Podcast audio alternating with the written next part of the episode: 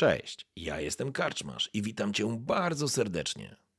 Niezwykle miło mi Cię gościć w progach mojej karczmy.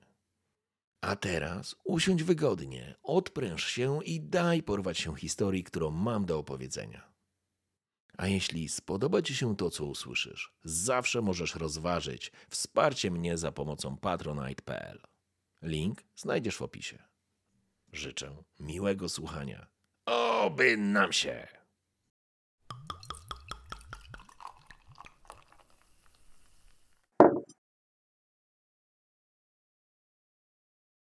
BPP Psie Chwosty. Interaktywna historia w uniwersum Wiedźmina. Siedzisz na koźle sporego wozu, wyładowanego po brzegi różnymi materiałami budowlanymi. Belki, deski, łaty, krawędziaki, gwoździe, liny i drabiny. W skrzyniach równo ułożone młoty, łopaty, piły, dłuta, obcęgi i gwoździe. Słowem, cztery wozy dobra wszelakiego. Jedziecie kolumną, a wozy zaprzęgnięte są wychudłe szkapy. Pierwszym z nich powozi krasnolud, sierżant Bruno Pap. Starszy pomocnik kwatermajstra i głównodowodzący tą wyprawą. Głowa kiwa ci się leniwie, z lewa na prawo, w rytm końskich kopyt i kolejn na drodze. Słoneczko was nie oszczędza i żar leje się z nieba.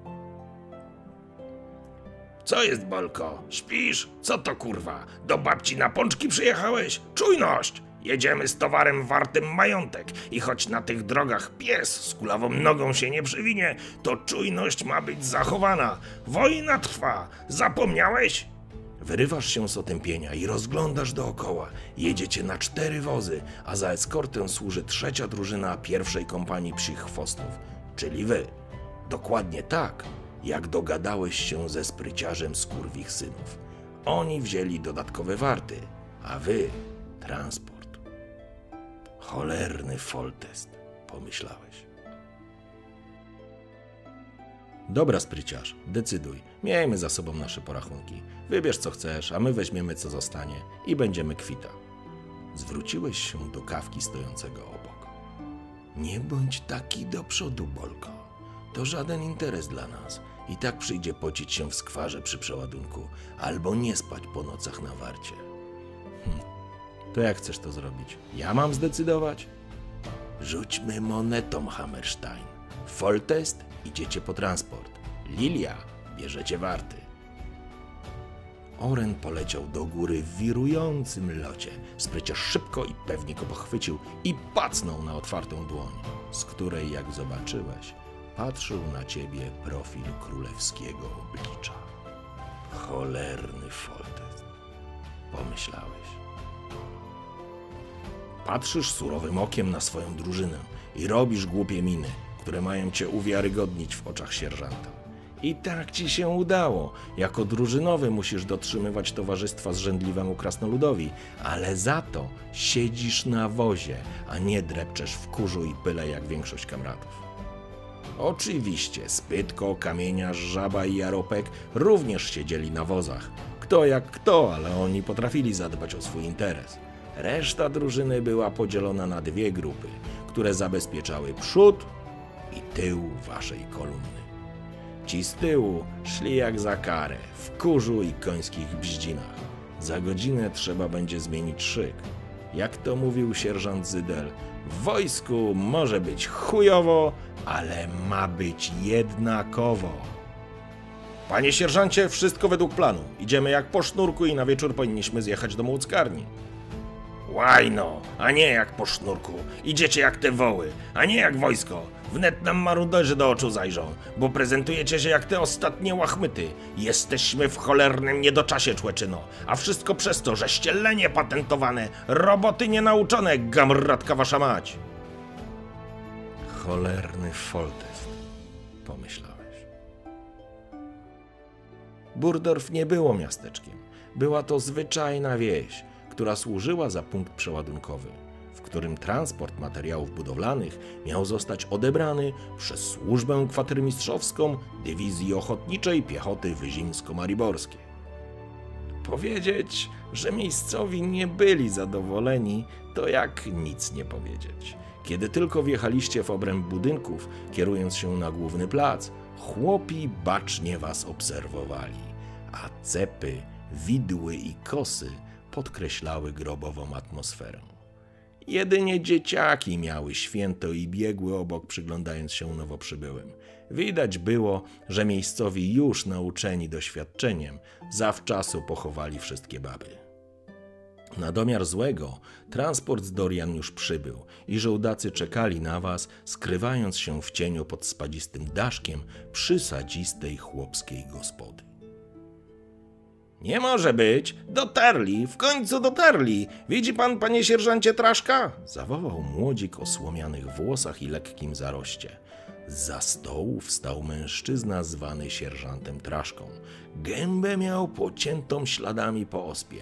Rozpięta przeszywanica odsłaniała kudłaty i dobrze zbudowany tors. Na belkach faktycznie widniał stopień sierżanta. No coście tak mi trężyli po drodze. Czekam tu na was od południa. Sierżant Traszka wyprostował się i założył kciuki za pas. To jest ten tajemny, elitarny oddział? Hm? Zapytał.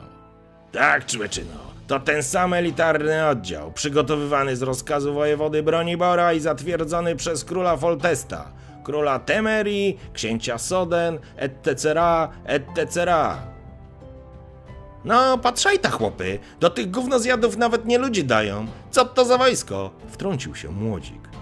Chłopczyku, zawrzyj mordę i no szybko, bo do starszego stopniem mówisz, a jeśliś zbyt głupi, żeby szarże rozpoznać, to ja ci wnet oleju do łba wleję i może uda mi się to gówno wypłukać z pomiędzy twych uszu, co mamusia statusiem rozumkiem nazwała. Odwarknął Bruno Pap i splunął na ziemię. O, żeś ty, odezwał się chłopiec o małym rozumku. Morda hycel, to sierżant więc stul pysk, albo cię zaraz pasem oprawię. Hola, hola, panie krasnoludzie, wybaczcie te żarty. Młode to, niedoświadczone. Sierżant Traszka uśmiechnął się uprzejmie, a jego blizny po ospie ułożyły się we wzór do złudzenia przypominający starożytną runę. Bruno Pap kiwnął głową do sierżanta i pochylił się nad tobą. Balko, przygotować ludzi do przeładunku. Niech się kurwa nie rozłażą. Miejscowi tylko czekają, żeby zawidły chwycić. Żadnych konfiskat w imię króla Foltesta, żadnych kurwa podatków na wojnę z Nilfgardem, żadnego rekwirowania dóbr ruchomych i nieruchomych, a tym bardziej łapy z dala od bab. Pojąłeś? To nie są żarty. Spójrz kurwa na was. Bardziej przypominacie bandę dezerterów niż wojsko. Kiwnąłeś głową i spojrzałeś na drużynę. Bruno Pap miał rację. Wyglądaliście jak obdartusy, bandyci z lasu, a nie jak królewskie wojsko. Dobrze, że dali wam chociaż przeszywanicę, to mieliście coś na sobie. Oczywiście, te najgorsze, z odzysku, ale miały naszyte lilie, przynajmniej to odróżniało was od pospolitego zbója. Do tego płócienne spodnie i proste skórzane buty, te co z domu wzięte. Skórzane paski, a za nimi noże i tasaki. Mieczy dla was nie było. BPP to nie żołnierze, to mięso i coraz boleśniej zdawałeś sobie z tego sprawę. Co trzeci z waszej drużyny miał na głowie pikowany kaptur, który od biedy mógł choć trochę chronić. Reszta miała filcowe czapki albo zwyczajne kaptury. Te mogły chronić co najwyżej przed deszczem, a nie przed ciosem miecza, topora czy buzdyganu. Jedynie ty mogłeś się cieszyć w miarę nową przeszywanicą, krótkim mieczem i kapalinem na głowie. Chłopcy zatem zajmą się przeładunkiem, a my z panem Krasnoludem zasiądziemy tu pod daszkiem i spłuczemy gardziołko tym cieńkuszem, którego nam tu zaproponowano. Traszka uśmiechnął się i przez chwilę miałeś wrażenie, że to był zupełnie szczery i przyjacielski gest. Sierżancie, nie ludzia do stołu? Przecież gotów poderżnąć gard... Chłopiec o małym rozumku, zwany Hyclem, nie zdążył dokończyć zdania.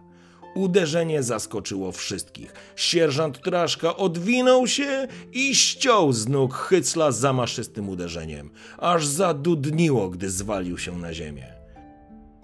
Wybaczcie, panie krasnoludzie. Młode to, niedoświadczone. Traszka uśmiechnął się przepraszająco, rozcierając dłoń. Starożytna runa ponownie ułożyła mu się na twarzy. Papiery mam tutaj, a młodzi niech przeładują i porachują. Panie krasnoludzie, macie tam kogoś rozumnego? Bruno Pap spojrzał na ciebie i nieco przymrożył oczy. Słuchajcie, Bolko, pójdziecie i porachujecie wszystko zgodnie ze stanem faktycznym i niech was ręką elitele broni, jeśli jakąś lewiznę odpierdolicie. Przypominam, że za kradzież sprzętu wojskowego w czasie wojny czeka stryczek. Tak tylko przypominam, bo widzę po oczach tej cholernej zgrai, że już się witają z gąską. Żeby wam ta gąska ostatnią nie była, bo wy hyc, hyc i już ją niby macie, a tu się okaże, że pan mało dobry wam w oczy zajrzy. Zgodnie z regulaminem, Bolko. Rozumiemy się? Przytaknąłeś i wyciągnąłeś z wozu przyrząd do pisania. Samych skrzyń z młotami powinno być 10, po 10 sztuk w każdej, a tutaj jest jeno 9 sztuk w każdej. Słowem, jedną skrzynię szlak trafił, czy ptaszkowie do nieba zabrali? Co, panie Dolk? Odzywasz się do żołdaka zdającego towar. Mam liczyć dalej? Czy powiecie o co tu kurwa chodzi? W tym burdelu, co? Z dziką satysfakcją naśladowałeś kapitana Garbarza, ale coś ci mówiło, że nie zabrzmiałeś równie wiarygodnie w tej roli. Panie Bolko, konspiracyjnie nachylił się do ciebie Dolk. Widać, żeś pan rozumny i liczyć potrafisz, a jak mawiała mojej świętej pamięci babunia nieboszczka, umiesz rachować, to rachuj na siebie.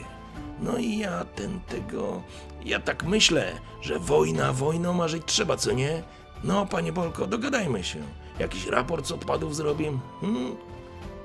A ja myślę, panie Dolk, że całe zło tego świata właśnie z myślenia się bierze. Ludzi do tego całkowicie niestworzonych. Przecież za to stryczek. Na co mi oreny, skoro dyndać będziem? Panie Bolko, ja w wojsku nie od wczoraj. Spokojnie.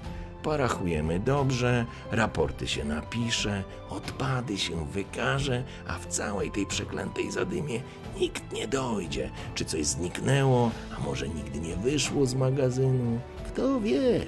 Propozycja jest taka. Obaj podpisujemy raporta i zdajemy sierżantom. Nie przejmuj się, Bolko. Oni nie takie rzeczy robią. A ja tu dla ciebie wyrychtowałem piękny, pękaty mieszek orenów. To jak będzie, Bolko? Ech, cholerny foltest, pomyślałeś. Cześć, tu Karczma z tej strony. Bardzo dziękuję Wam za odsłuchanie tego odcinka i zapraszam Was do głosowania. Czy Bolko zgłosi nieprawidłowości krasnoludowi, czy jednak weźmie lewiznę i skłamie w raporcie? Zapraszam na grupę Karczmarza na Facebooku. Tam znajdziecie podwieszoną ankietę. Czekam na Wasze głosy do piątku. Jeśli podoba się Wam to, co robię, to zostawcie łapkę w górę i komentarz z opinią. Dajcie suba i zaznaczcie dzwonek. Możecie również postawić mi zimne temerskie, raz w miesiącu zostawiając napiwek za pomocą Patronite. Z góry dziękuję. Oby nam się!